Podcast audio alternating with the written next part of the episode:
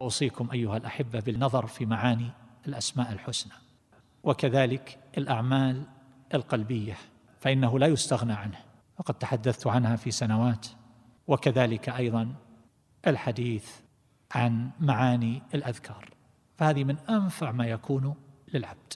الأذكار حينما يستشعر الإنسان المعاني التي تحتها يعيش في أمان وفي طمأنينة وفي ثبات وفي توكل وفي يقين وتذهب عنه جميع الخواطر التي يلقيها الشيطان في قلبه فيندحر شيطانه وتستريح نفسه.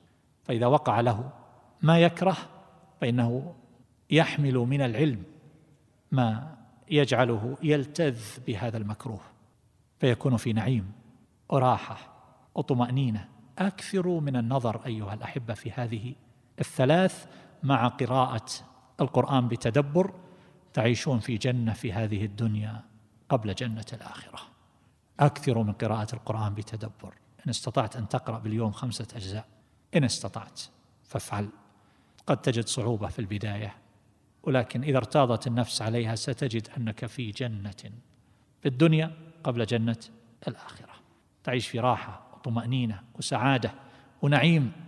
وإذا ابتعد الإنسان عن هذا عن ذكر الله ومعرفته وصار قلبه فارغا من التوكل والخوف والرجاء والمحبة والإنابة وما إلى ذلك.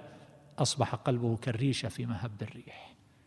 تكفأها يمنة ويسرى لكن حينما يحقق هذه المذكورات سيكون طودا راسخا لا تزعزعه الرياح. هذه وصيتي لكم أيها الأحبة التي أوصي بها نفسي فأنا أول المقصرين في هذا وحينما أذكر هذا لا يعني أني أمتثل بالضرورة لكني أوصي به نفسي وأخاطب به نفسي وأرجو أن يكون ذلك سببا لرحمة تشمل الجميع. فنوفق لمثل هذه الأعمال. لكن حينما يكون الإنسان ليس له ورد من القرآن ولا يحافظ على أذكار أو يقول الأذكار وهو لا يستشعر المعاني أصلا وقلبه فارغ من هذه الأعمال القلبية. فإن مثل هذا الإنسان سيكون دائما في حسرات. كلما انقضت حسرة تبعتها حسرة.